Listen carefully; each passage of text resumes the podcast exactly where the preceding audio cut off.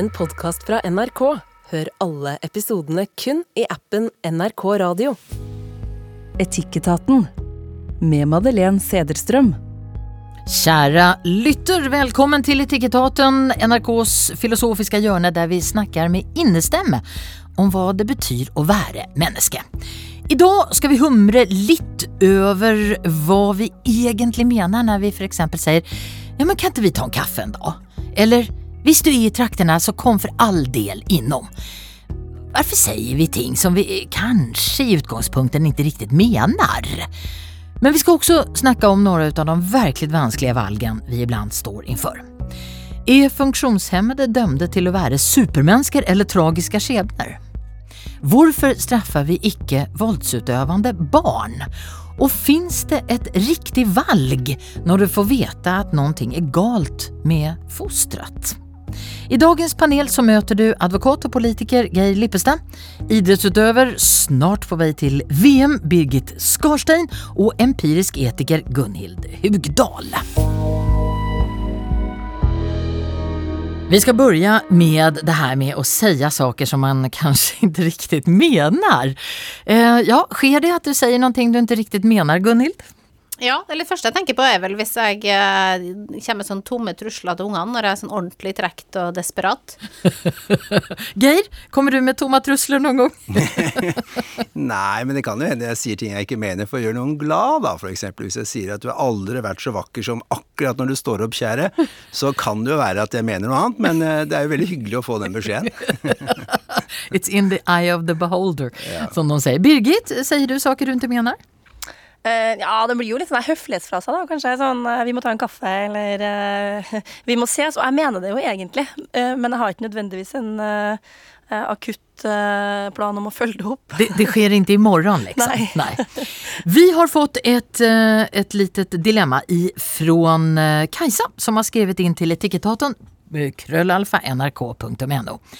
Hej Etikettaten! Jag var förleden inviterad til en bursdagsfeiring der vertinnen i invitationen skriver at hun ikke ønsker seg gaver men et bidrag til felles måltid vi skulle ha. Jeg tog henne bokstavlig og tog ikke med noen gave. Men når vi kommer på festen så var jeg den enda som ikke hadde med gave. Hva var det jeg ikke hadde skjønt? Alltså, man sier en ting, og så vet tydeligvis alle andre at man mener noe annet.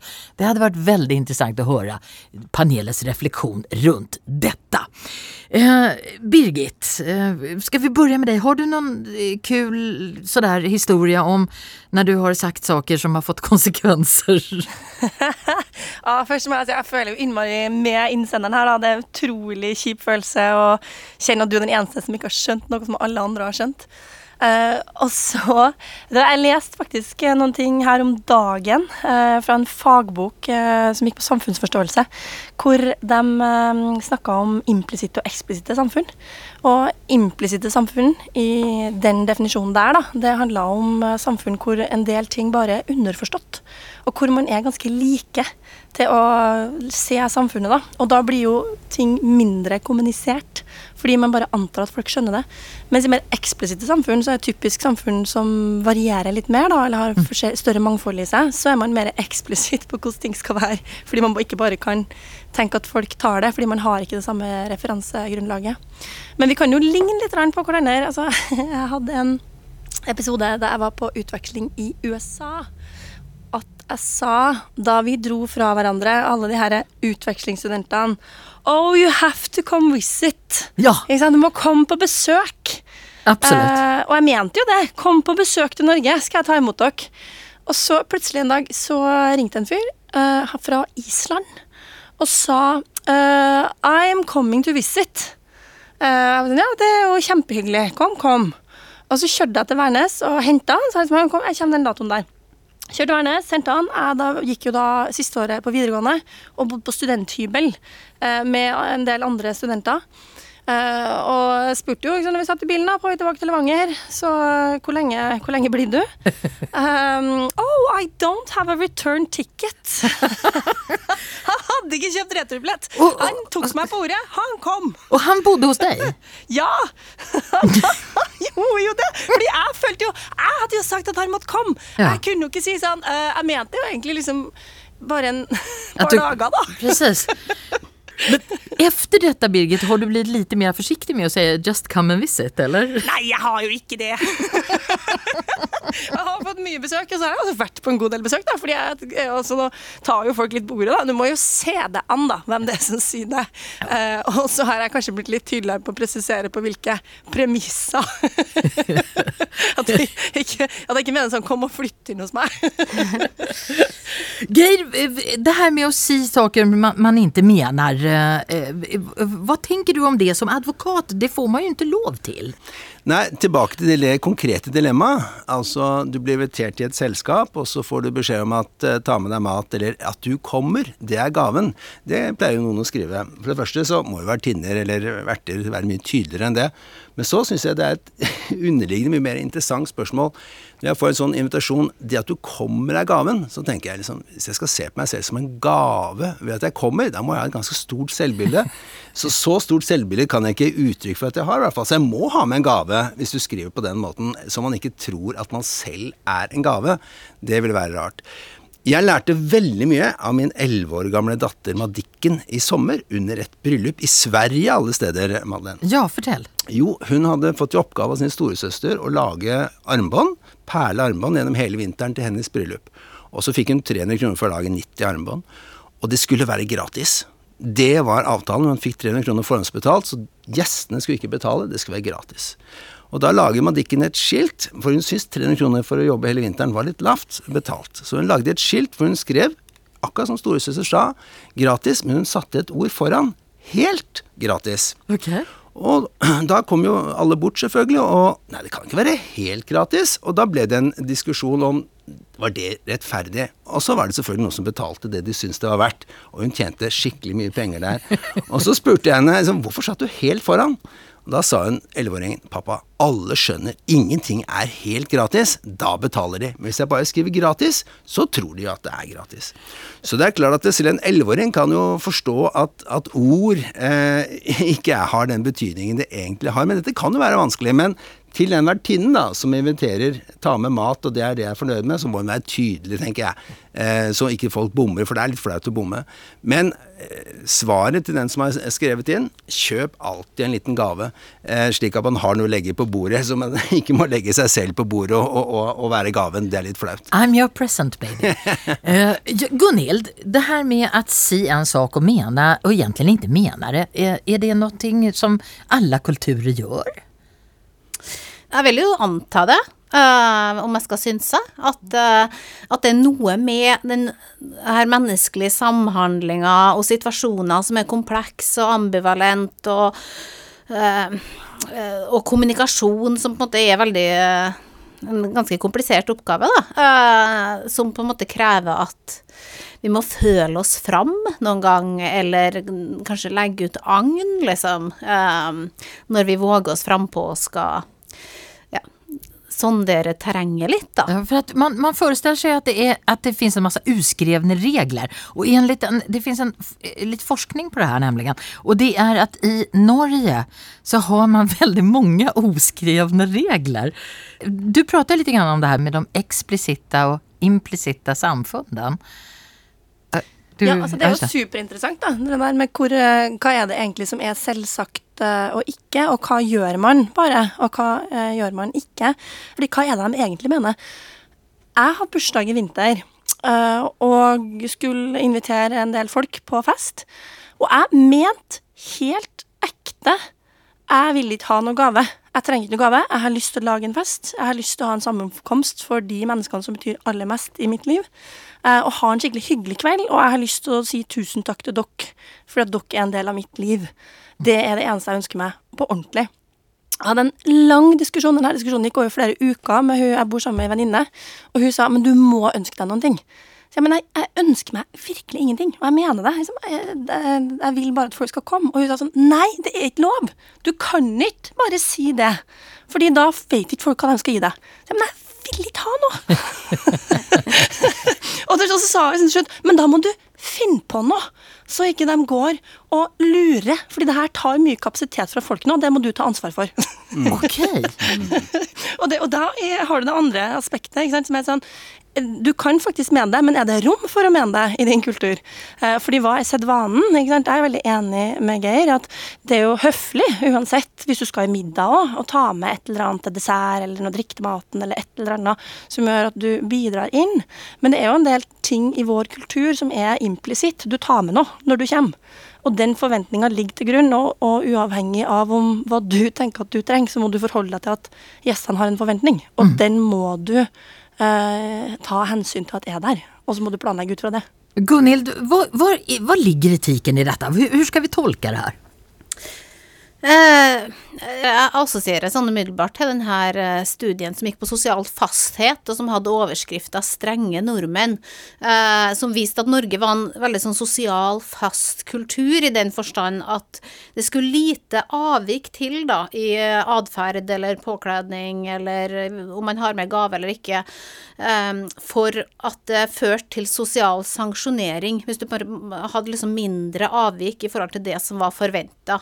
Um, og da kan man jo tenke at ok, er vi rause nok, liksom? Um, og så er det en annen ting er jo det her med forholdet mellom eh, den etiske fordring og det som er vårt, vårt moralske ansvar, og eh, sosiale normer. Um, jeg er nok en etiker som er tilbøyelig til å liksom understreke at den etiske fordring, vårt, sosiale, vårt, moralske ansvar, det samsvarer ikke med sosiale normer. Vi er nødt til å se utover sosiale normer, fortolke hva som er vårt etiske ansvar i ulike situasjoner. Men i akkurat denne liksom gavesettingen, så kommer jeg fra familie som er liksom veldig nøktern. Eh, man skal ikke Man er opptatt av miljøetikk, opptatt av forbruk, opptatt av å ikke bruke ting på unødvendige materielle ting, fordi at eh, i hvert fall sånn slekta mi har gitt veldig mye penger til veldedige organisasjoner osv. Så, videre. så jeg hadde jo kommet til å møtte opp i den settingen uten gave, med mat, og tenkt at at det var innafor. Og, og, og, så ser jeg jo på en måte liksom det her eh, moralske miljøaspektet i, i denne gave... Eller som gjør denne gavekulturen ganske problematisk òg, da. Den er jo i overkant materialistisk. Ja, hva sier ja. ja. Og den skaper sosiale ja. forskjeller. Eller den, ja, den gjør det vanskelig uh, for en del grupper som kanskje ikke har penger til å kjøpe. Men Gunhild, om, om alle pratet sant, hvordan skulle det bli et samfunn? Jeg assosierer til Løgstrup, som skriver noe i forbindelse med temaet urørlighetssonen, egentlig, om at vi mennesker er avhengige av å liksom Eller for at, for at samhandlinga mellom oss skal funke, da, så må vi akseptere vår sosiale kamuflasje. Uh, vi må ikke komme for tett på hverandre. Uh, om vi f.eks. i en samtale med en person opplever at uh, den personen argumenterer for noe, og egentlig ikke er ærlig på motivene sine, f.eks. Argumenterer sterkt uh, mot uh, ja, si dugnad for foreldre, da, og, så, og argumenter som du mistenker er et sånt alibi for et motiv som egentlig handler om noe annet. Så sier Løgstrup det at nei, men da skal vi akseptere hverandres sosiale kamuflasje. Vi skal ikke gå for tett på. Vi skal ikke krysse denne grensa til den urørlighetssonen. Mm. Um, Hvorfor skal vi ikke det? Da krenker vi hverandre. Og det gjør spontaniteten syk, skriver han blant annet. Eh, til og med gode, eh, gode motiver skal få lov til å være sosialt kamuflert. De skal liksom ikke brettes ut, artikuleres eller uh, trås inn i. Da. Fordi vi krenker hverandre hvis vi, hvis vi er for sanne? Krenk, eller om, vi på en måte krever en sånn total blottstillelse, total sannhet, åpenhet i enhver setting. Mm. Um, han bruker vel det her begrepet sosial kamuflasje, og understreker viktigheten da, av å akseptere den, og, og, gjør man ikke det i, i, noen settinger, så vil man krenke den andres urørlighetssone. Vi er vel klare for å konkludere, tror jeg. Eh, og da sier vi til Kajsa, om dere er enige med meg, at uh, värdinnan i det här fallet eh, kunde ha vært klarere og tydeligere. Skal vi dytte ansvaret over på värdinnan? Nei, nei, jeg nei? mener fremdeles det. Det kan jo hende at hun mente ja. ja, det tenker jeg òg. Ja. Det kan hende at hun på ekte ja. mente Nei, bare sosial norm i vår kultur. At man skal ha med noen ting.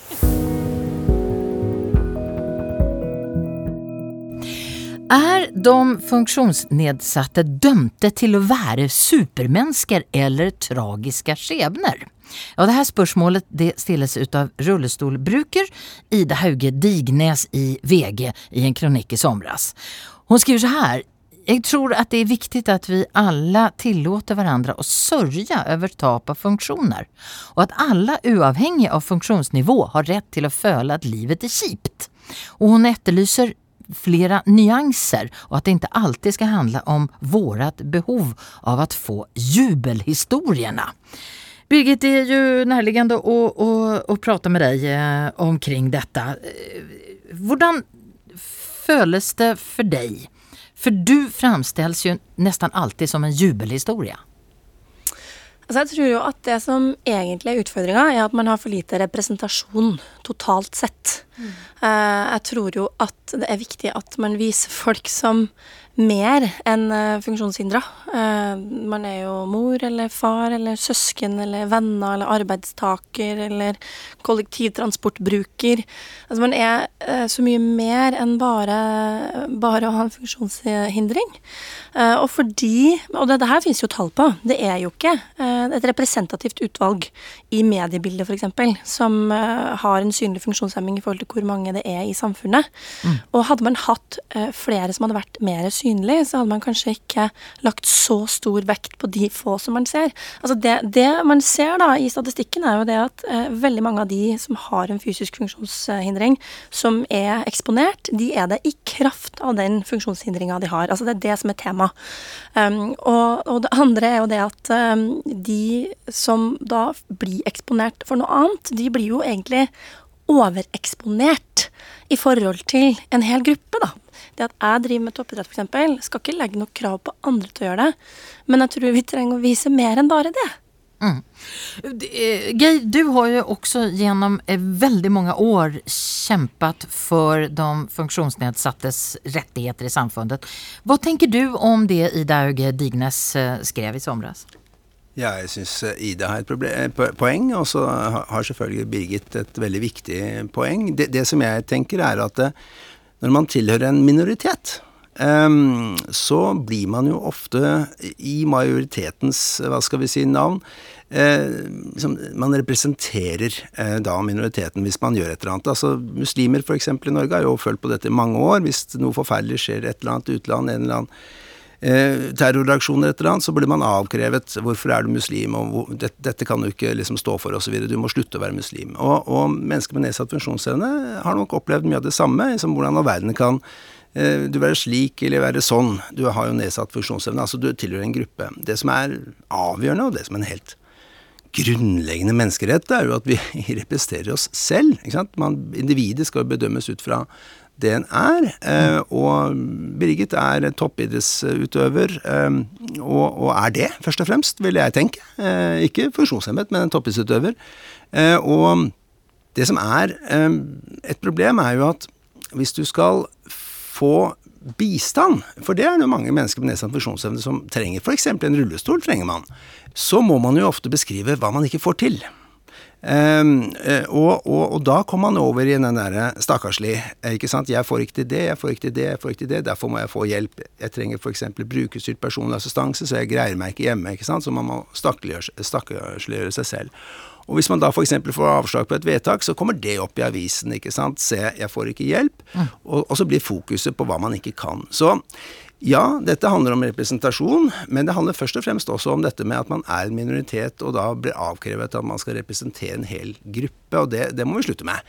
Eh, minoriteter er først og fremst enkeltindivider, og noen er slik, og andre er sånn, og, og, og, og så er det opp til media og opp til oss andre å holdt jeg på å si, skape et jevnt bilde av dette, men hver enkelt funksjonshemming. Eh, eh, hemmede kan jo ikke tenke på om man er blid eller, eller, sur, eller om man er verdensmester, eller om man eh, holdt jeg på å si, ikke ønsker å jobbe. Det, det, det, må hver enkelt få lov å ta stilling til, uten at hele gruppen på en måte skal, skal liksom bedømmes ut fra det. Mm. Men det, det, det er et ideelt samfunn. Det, eh, det er jo ikke riktig ideelt. Jeg antar, eh, Birgit, at for at du skal få den hjelpen som du trenger, så, så, så er du tvungen å, som Geir sier, stakkarsliggjøre deg, eller?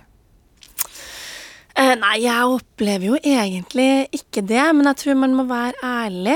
Eh, og det er den balansegangen der som er litt eh, krevende. Eh, kanskje altså igjen, hvis man snakker om mediebildet, f.eks., for, for du skal få fram litt enkle budskap som skal være lett å forstå. Um, og det å klare å både sette fingeren på det som er en utfordring eller et problem, og samtidig ha liksom pro proaktivt, positivt uh, grunn, og løsningsorientert grunnsyn på det, mm. det er jo liksom den balansegangen jeg i hvert fall prøver å gå, da. Um, men uh, man må jo prøve å forklare hva er det som er utfordringa, og også forklare hvorfor trenger vi å sørge for et samfunn hvor det er ikke bare plass til alle, men hvor alle sammen hører til. Uh, så det å klare å sette fingeren på det som er utfordringa, og samtidig ikke Altså gjør at folk skal ha lyst til å løse det. Mm, mm. Det er kanskje litt der det ligger, da. Men du, eh, altså, du virker jo i alle fall tilsynelatende alltid være kjempepositiv. Uh, føler du et slags press å være det, eller? Nei, det vil ikke jeg eh, si at jeg gjør, men eh, jeg opplever jo at eh, det er viktig å få med seg folk. Og at det er viktig nettopp å vise muligheter eller uh, være løsningsorientert sjøl, da. Og gjøre at uh, folk skal ha lyst til å være med å løse de problemstillingene som er der. Fordi det er masse problemstillinger. Uh, vi har et samfunn som ikke er universelt utforma, f.eks., som gjør at det er kjempevanskelig å få tatt kollektivtransport. Eh, det kan være vanskelig å komme seg inn i min, min, handlegate, da, som er rett ved der jeg bor. Der kommer ikke jeg meg inn i 80 av butikkene. Mm. Eh, så den er, altså det er klønete for meg å gå og handle der, rett og slett. Klønete for meg å gå på kafé eller å gå på restaurant. Og det er jo helt unødvendig, vi kan jo bare fikse det. Men eh, jeg får ikke fiksa det sjøl, jeg trenger at andre er hjemme og hjelper til. Mm. og da er det ofte enklere hvis man gjør det med et smil. Men jeg tror vi trenger begge deler, da. Gunhild, vårt behov av å få til antingen jubelhistorier eller de tragiske skjebnene. Hva, hva, eh, hva, hva kommer det av? Nei, Jeg assosierer jo sånn umiddelbart til stigma. En vesentlig del av stigma er jo det her at det ofte hefter negative stereotypier ved stigma. Um, og forskning viser jo at det for noen grupper kan føre til det her behovet for gunstig sjølportrettering, nettopp fordi man hele tida jobber mot denne trusselen fra negative stigma. Uh, og, det tenker jeg Jeg ønsker å løfte litt opp, da. Jeg tenker, det, jeg tenker, det, handler om så mange grupper som lever i det daglige med et stigma, mm. eh, og må på en måte i sosial samhandling eller i et samtale posisjonere seg og regulere Ehm, eller aktivt regulere hva man sier osv., fordi de her negative stereotypiene eh, eksisterer og er en del av stigmaet. Og det kan være um, innvandrere, eller det kan være mennesker med psykiske lidelser, eller eh, mennesker med funksjonsvariasjon, eh, med barndomstraumer. Uh, ja, folk som går på Nav eller arbeidsledig, står utenfor arbeidslinja av ulike årsaker. Eh, det er veldig mange posisjoner i samfunnet vårt som er veldig sosialt utsatt og stigmatisert. Og da opplever man den her sosiale distanseringen, eh, at da er man det, eller? Ja, eller kan oppleve sosial distansering. Eh, kan føle på den her stereotype threat da, trusselen fra negative stereotypier. Jeg må vise at jeg mestrer det her, hvis ikke så kanskje jeg plasseres i den båsen med den her eh, negative stereotypien, f.eks. Mm. innvandreren som snylter på velferdsstaten. Eh, alle de her eh, ulike grupper, alle ulike grupper har jo det ulike negative stereotypier som er en sånn konstant nærværende trussel, da, fordi stigma på sett og vis liksom monopoliserer den sosiale identiteten din. Og så får man den her um, De her kommunikasjonsutfordringene som jeg tenker både representantene fra gruppene sjøl har, og mediene får, er jo at eh, man ønsker å ikke Man ønsker å ikke gi styrke til stigma. Avkrefte stigma, svekke det. Derfor så kjører man på heltehistoriene. Men hvis man derimot ønsker å liksom mobilisere ressurser, få hjelp, da må du ha det her til tristere ja. historiene. Og så er det kanskje òg liksom, jeg tenker, noe med synet på på livet, da. At vi har en sånn litt, litt sånn svart-hvitt forståelse av hva er det å klare seg, hva innebærer det å ikke klare seg. Um, at vi sjelden klarer å gripe nyansene um, i det å være menneske, da, dypest sett. Birgit, får du, får du reaksjoner reaktioner ifrån med med funktionsnedsättelse som, som syns du er for positiv? Ja, det der har kommet og gått litt i bølga. Altså, ja, det er klart jeg får jo kritikk. Eh, for at jeg, noen mener at det er skjønnmale det å sitte i rullestol. Eh, og at jeg framstiller det som at det er mindre utfordrende enn det er. Og så er det liksom viktig å huske på at vi alle sammen har jo helt forskjellige liv med forskjellige utfordringer. Forskjellige perspektiv. Um, og det er jo ingen som er 100 hele seg i hvordan man framstiller seg, verken i sosiale medier eller i, i media generelt, eller, eller også i fysisk uh, format. Uh, men vi, eller i hvert fall jeg prøver jo å være en sånn representativ uh, utgave i ulike forum, da, og bruke ulike deler av livet og ulike eh, måter å fortelle på, uh, ut ifra hvor jeg er hen. Og så det Jeg kjenner meg veldig igjen i det Gunhild sier, da, fordi at uh, det er veldig lett at man ser verden med sitt eget perspektiv. Uh, og jeg skjønner at folk kan tenke sånn åh, det virker utrolig slitsomt uh, å ikke kunne gå. Eller oi, jeg kunne aldri hatt det livet jeg ønsker meg hvis jeg ikke kunne se. Um, og, og så på en tolker man noen andre sitt liv ut ifra sine egne referanserammer. Eh, og det som er litt skummelt med det, er jo at man står i fare for å definere et liv som kanskje ikke er helt reelt. Uh, fordi rett og slett for man kan ikke nok om det, man har ikke nok erfaring på hva det faktisk innebærer. Uh, altså Jeg har jo også hatt folk som har sagt til meg sånn Jeg kunne aldri Jeg kunne aldri ha levd det livet du lever. Jeg hadde ikke orka å leve det livet. Da hadde jeg heller Unnskyld. Da hadde jeg heller droppa det. Uh, og da tenker jeg sånn, men da tror ikke jeg du skjønner helt hvordan livet jeg lever. Fordi jeg opplever jo at jeg har et veldig fritt og fint liv. Men jeg skjønner også hvorfor du da tenker at det er et liv du ikke ville hatt. Uh, men, men uh, Og så kan man jo også få hørt folk som sier sånn Å, jeg kunne aldri, kunne aldri sitte i rullestol, for jeg vil ha et aktivt liv. Så tenker jeg jeg har et relativt aktivt liv. så, så, så man tilskriver kanskje noen egenskaper eh, noen effekter da, som ikke nødvendigvis er reelle, men som er basert på eh, fordommer eller manglende kunnskap. Og så I tillegg til at det handler om hvordan vi oppfatter hverandre, så får jo det her helt reelle, praktiske konsekvenser. Oslo OsloMet hadde en studie eh, for et par år siden hvor de sendte ut masse jobbsøknader. Eh, Og i ett sett av søknadene så skrev man at den personen satt i rullestol, og omtalte det i en positiv måte. Som jeg er mer løsningsorientert fordi jeg alltid, eller jeg har ofte funnet en annen måte å gjøre ting på. Jeg er veldig selvstendig. Jeg har vist at jeg virkelig vil. Altså Man omtalte det å sitte i rullestol som noe som eh, var en styrke inn i den jobben som skulle gjøres. Og man trengte ikke bein for å kunne gjøre jobben. Likevel så så man da at øh, hvis de oppga at jobbsøkeren satt i rullestol på en jobb hvor det ikke var relevant, eh, så var det 50% mindre sannsynlighet for å bli innkalt til jobbintervju. Og da eh, betyr jo det at de som leser de her søknadene, de gjør seg, og det her kan være helt ubevisst også, men de sitter jo da og gjør seg opp en mening om hvorvidt kandidaten passer til jobben eller ikke. Og det er jo superproblematisk, fordi da får du en innskrenka muligheter, du får en innskrenka frihet, og storsamfunnet får ikke utnytta ressursene så godt som man kunne ha gjort, basert på eh, en, noen som kanskje har fordommer da, eller feiloppfatninger om, om hva det er de, hvilken type arbeidstakere de har der ute å forholde seg til. Det Birgit sier her er kjempeviktig. I arbeidslivet så er vi arbeidsgivere altfor dårlige til å, å gi muligheten til enkeltindividet å vise hva det kan. Eh, og 100 000 mennesker med nedsatt funksjonsevne som ønsker å jobbe, står utenfor arbeidslivet. Det er jo en katastrofe både for samfunnet og for den enkelte.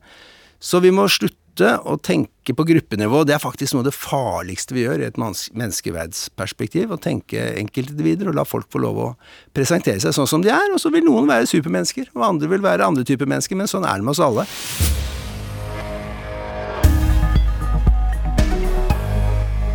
Kära panel, har du blivit straffad som barn någon gång? Det er, eh, det är frestande å börja med deg, Geir. Har du, blev du straffad som barn? Ja, jeg er jo såpass eh, gammel, eh, født i 64, så jeg ble satt på gangen, ikke sant, på skolen. Det var jo en straff. Ja. Eh, Hjelpte det? Nei da. Det, jeg tenkte jo at det kom på gangen, det var jo supert. Da stakk man jo av. Eh, det gjorde jeg. Så da gjorde jeg jo morsomme ting, og glemte at jeg skulle tilbake til skolen nå. Så, så jeg, det var en straff, men, men, eh, men jeg forsto jo egentlig ikke hvorfor jeg ble satt der. Og det hadde i hvert fall ikke noe virkning, for at eh, når jeg da kunne løpe ut i naturen og kose meg og spille fotball, så, så syntes jeg det bare var flott å komme på gangen. I mattetimene eller i andre timer. Så, så, så, sånn var jo det den gangen. Mm. Gunhild, har du blitt straffet noen gang når du var barn? Ja, jeg har blitt straffa når jeg var barn, altså. Det har jeg. V vil du fortelle om det? Jeg sneik meg vel ut med noen gutter og noen venninner en natt på leirskole eller noe sånt på i ungdomsalderen. Da ble jeg vel straffa i den forstand at jeg fikk meg et brev hjem, da. Det er vel det eneste jeg kommer på. Hjelpte det? eh, nei, jeg, jeg, tok ikke det brevet så tungt, altså. Det gjorde jeg. Birgit, har du blitt straffet som barn noen gang? det var vel mest sånn herre gå på rommet ditt. Uh, og etter hvert som jeg ble litt eldre, jeg hadde en liten uvane i tenåra med å drive og hoppe ut av vinduet uh, for å snike meg ut. og når det ble oppdaga, så, så, fikk jeg jo streng beskjed om, om, at jeg ikke fikk lov til å gå ut uh, og være med på det som var gøy. var Hjel hjelpte det? Nei, jo, eller altså, de kunne jo for så vidt bestemme, da, men Eh, det hadde ikke så veldig stor preventiv effekt, eh, tror jeg.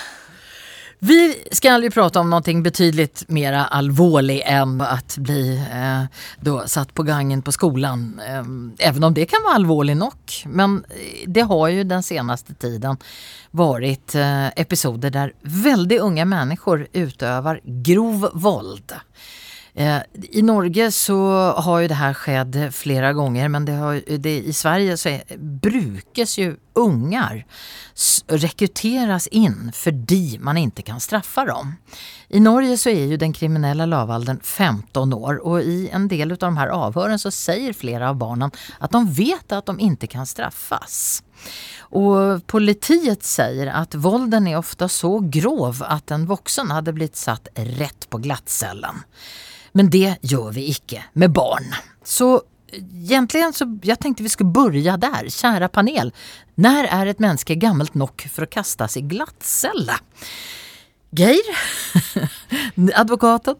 Ja, her, her, er det jo et, et, et veldig klart svar på det. For, for, man kaster ingen i fengsel eller glattcelle uten at man har eh, lovhjemmel til det, som man sier. Og Stortinget, og det er et enstemmig storting, er veldig tydelig, og det har vært i mange år, at barn under 15 år skal ikke verken i varetekt eller i fengsel. Og bakgrunnen for det er jo at man tenker at for det første så må man jo forstå at man gjør gærne ting, eh, og, og, så må straffen ha en effekt at du ikke gjør det igjen. Mm. Eh, mens kaster du barn i, i fengsel eller glattcelle, så, så, vet vi jo at uh, at, at, det er eh, nesten skadelig for barna. ikke sant? Det er ikke, noe, det er ikke noe rehabilitering som skjer på en glattcelle eller et fengsel for et barn. Det, det, er rett og slett skadelig å være eh, i de omgivelsene. Eh, man blir kriminalisert, rett og slett, hvis man er der over lengre tid.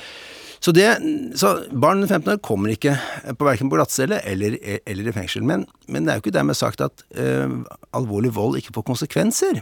For det må det jo få. Eh, og det er jo kjempetragisk det vi ser, at unge mennesker blir lurt inn, dratt inn, noen ganger truet inn i disse gjengene, eh, og grov vold utøves. Det er forferdelig mot de som det blir utøvd vold mot, det er forferdelig for familien, det er innmari dumt for samfunnet, og det er kjempeleit for de det gjelder, fordi eh, faller ofte ut av skolen, faller ut av nærmiljøet, faller ut av vennegjengen, får problemer med familie og venner. Det er kjempeleit og trist. Så det er klart at det, hva samfunnet skal gjøre, det er jo spørsmålet. Og mm. da er det jo barnevernet, rett og slett. Og politiet sammen med barnevernet, for politiet kan jo eh, kontakte barnevern, kontakte skole, kontakte foreldre. Men barnevernet kan jo i verste tilfelle selvfølgelig også eh, overta omsorgen for slike barn.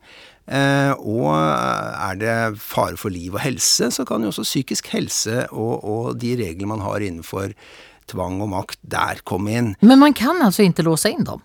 Ikke et fengsel, nei. Det, det, går ikke. Eh, et alvorlig Altså hvis man har en psykose, så kan et sykehus vurdere f.eks. å låse inn en, en, ungdom som er under 15 år, men det, det er av medisinske årsaker. Mm. Man kan ikke ut ifra Eh, voldshendelser eh, straffe barn under 15 år. Og det, det, er det ganske stor enighet om i Norge. Tidligere så var det 14 år, for en del år siden, men det ble økt til 15 år. Og senest for noen år siden straffeloven ble eh, revidert, så diskuterte man det, og man var enig om 15 år. Eh, Gunhild, du som er empirisk etiker. Hva er grunnen til at man har endret synet på det her med å straffe barn? For før i tiden kunne man jo det. Før i tiden så straffet man jo barn. Vi har jo, ser jo i samfunnet generelt et sånt eh, endra barnesyn i takt med økt kunnskap om, uh, om, barns kognitive utvikling, og i takt med man kan si, en sånn økende humanisering av samfunnet generelt. Uh, og i etikkundervisninga som jeg har hatt, så pleier vi å ha en sånn spennende debatt om straff.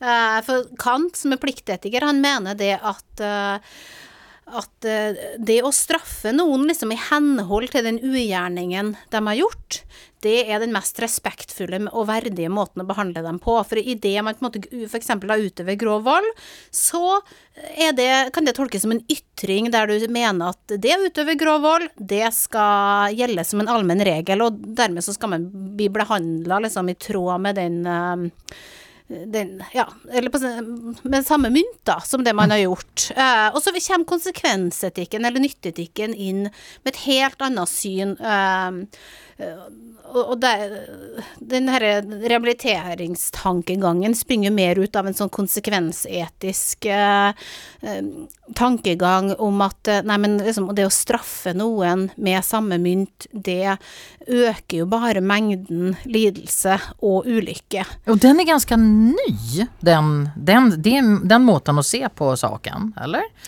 Eller nei, det, nei det, denne debatten er vel tilbake til når er det da, 1800 kanskje, eller noe sånt rundt der. Jeg husker mm. ikke årstallet helt eksakt. Det, men, men Kant igjen, han mener det at denne tanken om å rehabilitere eh, kriminelle, da f.eks. å få dem på bedre tanker og til å leve livet på en annen måte, han mener at den er veldig paternalistisk og krenkende, for da prøver vi å liksom forme dem i vårt bilde av det gode liv og av hva det er å være menneske. Så det er jo en spennende eh, debatt. Birgit, tror du på att man kan få voldelige 12-åringer, 13-åringer eh, på rett kjøl gjennom å uh, behandle dem pent. jeg syns det høres veldig fornuftig ut at man ikke bruker de samme sanksjonsmulighetene som man gjør for en voksen eh, og for noen som er 12 eller 13 år. Da er det kanskje andre virkemidler som vil være mye bedre, som Geir sier her. Jeg syns det gir mening at man jobber mer Eh, personretta, eh, med, med barnevern, med folk med fagkompetanse på den type atferd. Man vil kanskje kunne i enda større grad se hver enkelt person og ha et persontilpassa løp, da. Fordi hvis man kan klare å sørge for at ikke de ikke kommer inn i en kriminell bane, eller en bane som vil være veldig krevende både for enkeltmennesket og for samfunnet, så kan man jo spare seg for veldig mye trøbbel seinere. Så det er jo stort potensial, da, hvis man klarer å eh, hanke dem inn igjen og sikre, sikre gode, trygge liv. Men ligger det noen ting i det som Kant sier at det, at vi på, at vi, det er nesten respektløst å ikke straffe barn, Geir? Ja, Kant levde for mange år siden, en klok eh, mann, men, men, eh, de hadde jo et helt annet syn på så mye den gangen. Um, nei, altså det er ikke respektløst å ikke straffe barn. Det som jeg tenker, når voksne eh, rekrutterer eh, Altså når, når, kriminelle voksne rekrutterer barn inn for å gjøre kriminelle handlinger for dem, da, da må vi se på strenge, strenge straffer for de voksne som utnytter barn. For det er det det handler om. De utnytter sårbare personer. Og de sårbare personene har vi jo en tradisjon for at vi skal ta vare på. Eh, eh, ikke sant? Hvis du blir utsatt for menneskehandel, eh, f.eks., så selv om du har gjort ulovlige ting, men er du utsatt for menneskehandel, så tar vi vare på det. Fordi du har liksom hatt et kriminelt nettverk rundt deg eh, som har utnyttet deg, og da, da får du faktisk spesielle rettigheter. Og jeg tenker at disse barna som, som blir rekruttert inn av uh, kyniske kriminelle, de, de vil jeg nesten gitt ekstra rettigheter. Ja. Ikke til å ikke få konsekvenser, men, men ikke sant? alltid så er det spørsmål om ressurser. Da. Eh, hvordan man skal følge opp familien, følge opp eh, Hvordan skal de få skolegang? Hvordan skal skolen håndtere det? Ikke sant? Hvordan skal, skal, eh, barnevernet få ressurser til å følge opp? Eh, alltid er det et ressursmangel som er problemet, men, men her tenker jeg at, at uh, samfunnet må sette inn ressurser. Eh, et barn vil jo oppleve at det er en konsekvens å komme i barnevernet. Et barn vil jo oppleve at det er en konsekvens f.eks. For at foreldrene blir fratatt omsorgen, og foreldrene vil i hvert fall oppleve det som en konsekvens. Så det er masse konsekvenser som ligger der. Men vi vet at, at hvis barn opplever eh, det å bli stengt inn i et eh, Altså, jeg tror folk må liksom skjønne hva et fengselscelle er. Det, er. det er rett og slett som man ser på, i hvert fall i en varetektscelle, er veldig dramatisk å komme inn. Den er helt grå, det er uten et vindu, det er et jerndør, det er et hull i gulvet hvor du gjør fra deg, og innimellom så kommer det en og, og, og, kikker på om du har det bra. Der skal ingen barn sitte. Det er skadelig, rett og slett. Er, da er det i så fall staten som utøver vold mot barna deres. det, gjør vi ikke. Mm. Men det er jo en del diskusjon knytta til det her med straff og preventiv effekt.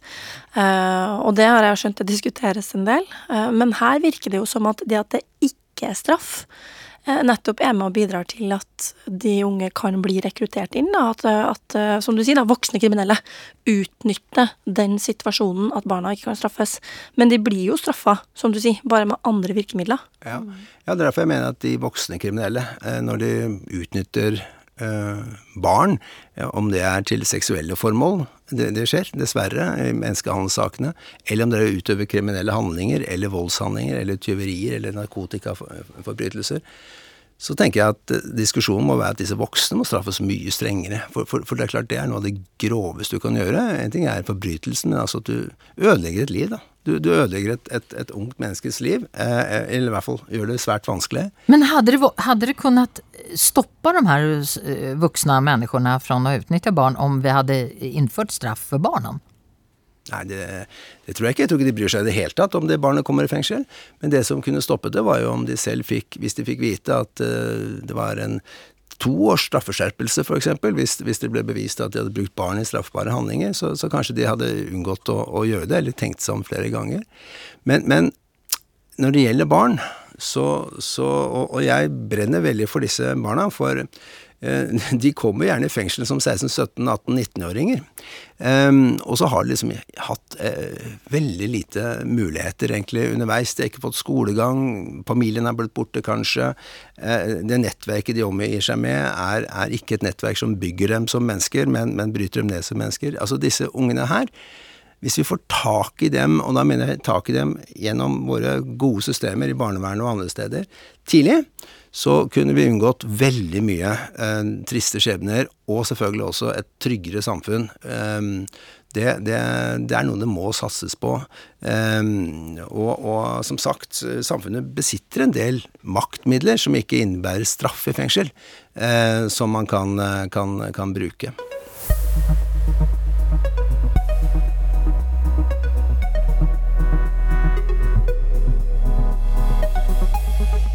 I studion advokat og politiker Geir Lippestad, idrettsutøver uh, Birgit Skarstein og empirisk etiker Gunhild Hugdal. Vi har fått inn et uh, brev uh, fra en som vil være anonym, som skriver så her. Hei, jeg er 38 år, jeg er gravid for tredje gangen og jeg er engstelig. I dag finns det flere metoder for å oppdage skader og sykdommer hos fostret. Ska jag genom sånne här undersökelser och ta de här blodprövorna? Vad skulle jag välja där som jag får veta att fostret har en diagnos? Och det spørsmålet til er då, kära panel, det er Finns det et rett valg hvis jeg får vite at mitt foster har en diagnose? Gunhild dette har du tatt en doktorsavhandling på. Ja, jeg har skrevet, jeg skrev min ph.d. om reproduktive valg, valget mellom abort, eh, ikke abort. Jeg intervjua 14 kvinner, de hadde valgt ulike ting. Eh, Noen hadde eh, fullført svangerskapet, andre hadde eh, tatt abort. Eh, Og i noen av de tilfellene da, så handla på en måte problemstillinga om at det var funnet sykdom eller avvik da, på fosteret, eh, og at det på en måte trigga en, en valgsituasjon. Eh, og de fortalte jo om veldig ulike valgprosesser, eh, og noen hadde nesten ikke det som kan kalles en valgprosess heller, fordi at de egentlig umiddelbart visste hva de skulle velge, eller eh, hadde en veldig tydelig overbevisning fra før, da. som gjorde at det nesten ikke opplevdes som et valg. Og så var det andre som hadde mer omfattende og krevende valgprosesser. Um, og jeg så jo der at, at de her valgene var veldig prega av uh, sånn omsorgsetiske vurderinger, der man veier hensynet til de ulike involverte partene. Fosteret, seg sjøl, de barna man eventuelt har fra før partner osv. For det som jeg, jeg syns, er veldig interessant da, med det her norske diskursen om at det er eh, kvinners valg, hva man på en måte gjør med et svangerskap, er at det er jo ikke definert hva et fritt valg innebærer. Om man skal fortolke det som et valg som er det beste for eh, alle dem du er relasjonelt forbundet med, eh, og som vil påvirkes av valget ditt, eller om det er et valg som er mer i tråd med dine ønsker. Og noen, ga- I noen tilfeller så vil jo det være med et ganske sånn samsvar mellom de posisjonene, mens i andre situasjoner kan det jo være større grad av konflikt. Geir, du har skrevet en bok om det her som heter Et større vi. Finns det et, eh, finns det et rett valg? Nei, det tror jeg svaret er ganske klart, at, at det fins ikke noe rett valg. Eh, Men, men det som i hvert fall er viktig, det er jo at eh, får man et svar, så må man jo vite at da må man reflektere, og man må innhente informasjon, og man må få informasjon. Så det blir et reelt valg. Um, for eksempel, veldig mange jeg snakker med når det gjelder barn med Downs syndrom, sier jo at vi følte jo bare det at det hele systemet er jo rigget for at, at får du et barn med Downs syndrom, så, så, så skal, skal det tas bort. Det er jo derfor vi hadde undersøkelsen, det er derfor systemet er slik, det er derfor man har øh, flere uker å, å, å tenke seg om på enn en andre fostre. Så, så man føler en forventning. Og, og det er det eneste jeg pleier å stille spørsmål om til de som spør meg. Føler du at det er en forventning å ta en eh, abort, eller tenker du at du trenger mer informasjon, eller at, at, at, at du, at du, du syns det er et vanskelig eh, valg? Eh, og hvis folk sier at jeg føler at det er en forventning, så, så, så tenker jeg men tenk litt om, da. Eh, og snakk med andre, innhent informasjon. For, for, eh, for barn med Downs syndrom, hvis vi tar det, er jo like forskjellige som alle andre barn. Og du har jo ingen garanti for at barnet ditt er friskt eller, eller utvikler psykisk uhelse eller, eller, eller hva det nå måtte bli. Så men jeg prøver aldri eh, å si at et valg er feil eller ikke feil. Eh, ta en, en test kan være fornuftig, eh, hvis man tenker at da er jeg i hvert fall forberedt, eh, istedenfor at det kommer som et sjokk. Um, men, det, men det er klart at det, det som er et enormt dilemma for veldig mange unge par nå, det er jo at du kan ta tester for så veldig mange sykdommer. Um, og, og, og, og det er klart at da er noe med forventningen. Hva, er det, liksom et, hva forventer man da av det å bli pappa eller mamma? Eh, det er ikke problemfritt. Eh, ingen barn eh, går gjennom livet uten at foreldre er kjempebekymra for, for et eller annet som skjer eller kunne skje, eller, eller en sykdom som utvikler seg. Mange barn får kreft, det vet du jo ikke på forhånd, men du kan nå faktisk få en test som sier noe om sannsynligheten for det. og, og det er klart at det, disse testene ødelegger jo lite grann gleden med å ha barn.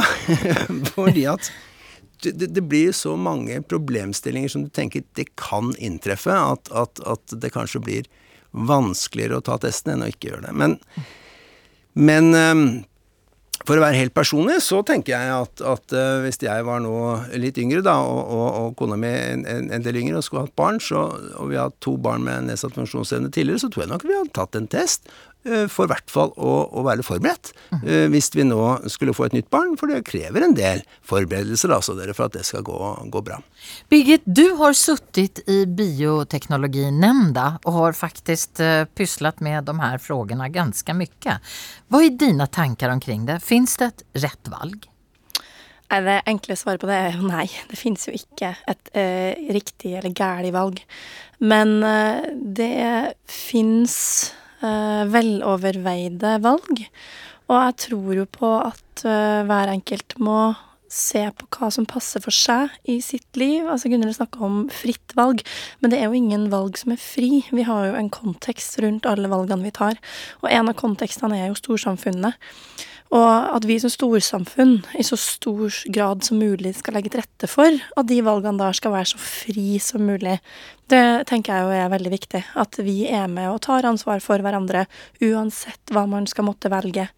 Eh, og så har vi jo ulike forutsetninger hver og en av oss også i livet, ikke sant. Og vi er jo i forskjellige kontekster. Og eh, det jeg er litt opptatt av der, er jo at vi skal ta, kunne ta opplyste valg. Og at vi skal kunne velge å få informasjon, f.eks. At vi skal kunne ta de testene som Geir snakker om, da, ikke sant. For å, eh, for å se hva, hva er valget, eh, og hva er, det, hva er situasjonen, egentlig. I hvert fall hvis du ønsker den informasjonen. Hvis du ikke ønsker den informasjonen, så er det også et valg. Et valg som du kan ta. Og så er det jo sånn at det er jo ikke alle tester som sier enten eller, ja eller nei, dette eller dette. Eh, Det er noen tester som sier det er en, det er en gitt prosentandel sjanse for det ene eller det andre. Og da er det jo veldig viktig å kunne ha kyndig veiledning, ha genetisk veiledning på hva betyr egentlig det her resultatet, så at man kan få tolka det på en måte som gjør at du faktisk forstår den informasjonen du har foran deg. Mm. Gunhild, når du eh, pratet med de her kvinnene, opplevde du at de eh, kunne ta informerte valg? Noen da kunne oppleve at okay, hvis jeg ikke tar den testen og får kanskje viktig informasjon om uh, fosteret, så er jeg en dårlig mor. Hvis jeg tar den, eh, og da liksom å ta stilling til om jeg skal fullføre svangerskapet, er jeg en dårlig mor da? For klart, Noe av utfordringene når vi, det her livsområdet flyttes over fra liksom skjebnekategorien og over til eh, fritt i hermetegn eh, valgkategorien, er jo det at valg må rettferdiggjøres på et vis, liksom, enten om ikke annet inni deg sjøl, eh, og kanskje også overfor dine nærmeste. Eh, og, og liksom at, at om, i kontekster hvor det er mest vanlig, da, at om et foster har down, så tar man abort. Det er det de fleste gjør i den konteksten. Så kan den normaliteten bli veldig normativ. Sånn at eh, Kort vei fra den normative normaliteten til at eh, det konstitueres som kanskje feil, da, nærmest uetisk, om du da velger det motsatte. Så jeg er veldig fan av, eh, av en sånn tankegang som kommer fra USA, faktisk, eh, som heter reproduktiv rettferdighet. Og den har tre prinsipper. Det ene er retten til å velge at man ikke skal få barn, eh, herunder retten til abort. Retten til å få barn. eh, og retten til å oppfostre barn i trygge omgivelser. Og det fordrer jo en velferdsstat som sørge sørger for brukerstyrt personlig assistanse til barn som har behov for det. Eh, sikre, trygge oppvekstvilkår for alle. Kan det oppfattes som egoistiskt å velge å få et, et barn med Downs syndrom? Nei, det, det, det Selvfølgelig kan man ikke styre hva andre tenker, men, men det vil jo kanskje være veldig trist og et, en stor utfordring for de som tenker at en nabo for eksempel, som får et barn med Downs syndrom er egoistisk. Det, det, ville være, det ville være trist å ha en sånn tanke. Det som, det som, som er min erfaring ehm, etter å ha vært venner og, og bekjent og, og både foreldre og, og barn og alt eh, innenfor hva skal vi si, kategorien mennesker med Downs syndrom. Det er jo at den, det dilemmaet er selvfølgelig enormt, og det finnes ikke noe riktig eller galt eh, svar på om man skal velge bort eller ikke. Men jeg har ikke møtt én, ikke ett menneske, som sier i ettertid at jeg angrer på at jeg valgte å få eh, sønnen eller datteren min. Hadde jeg fått vite på forhånd alle de utfordringene min datter Rebekka ville fått, utviklingshemming, respirator, intravenøs ernæring, etter hvert at indre organer svikter og dør tidlig, Um, så ville jeg tenkt er dette et liv? Dette er vel kanskje riktig å velge bort? Og så 18 år senere så har man en helt annen erfaring. Man ville jo ikke valgt en eneste dag bort, ikke sant. Ikke den siste dagen heller. Um, så, så, det er jo noe med liksom å tenke hva slags liv er det man forventer? At det ble et helt annet liv enn det man tenkte, men det ble også godt. Det blir et annet liv, men det blir å leve på en annen måte. Og da er vi tilbake til selvfølgelig det vi i samfunnet kan gjøre for at det skal bli et reelt valg. Det er jo akkurat det som ble sagt der, sagt der fra Gunhild, er jo å legge til rette for at familiene får den hjelpen de, de trenger. Men, Men er, det, er, det viktig for samfunnet at det fins eh, eh, barn med Downs syndrom og barn, altså at det fødes barn med, eh, med utfordringer? Alle barn har utfordringer. Absolutt alle barn har utfordringer. Og du vet, en av de største utfordringene vi har nå, er ungdom. Helt friske, sterke ungdom på høyskolene våre som sliter med psykisk uhelse.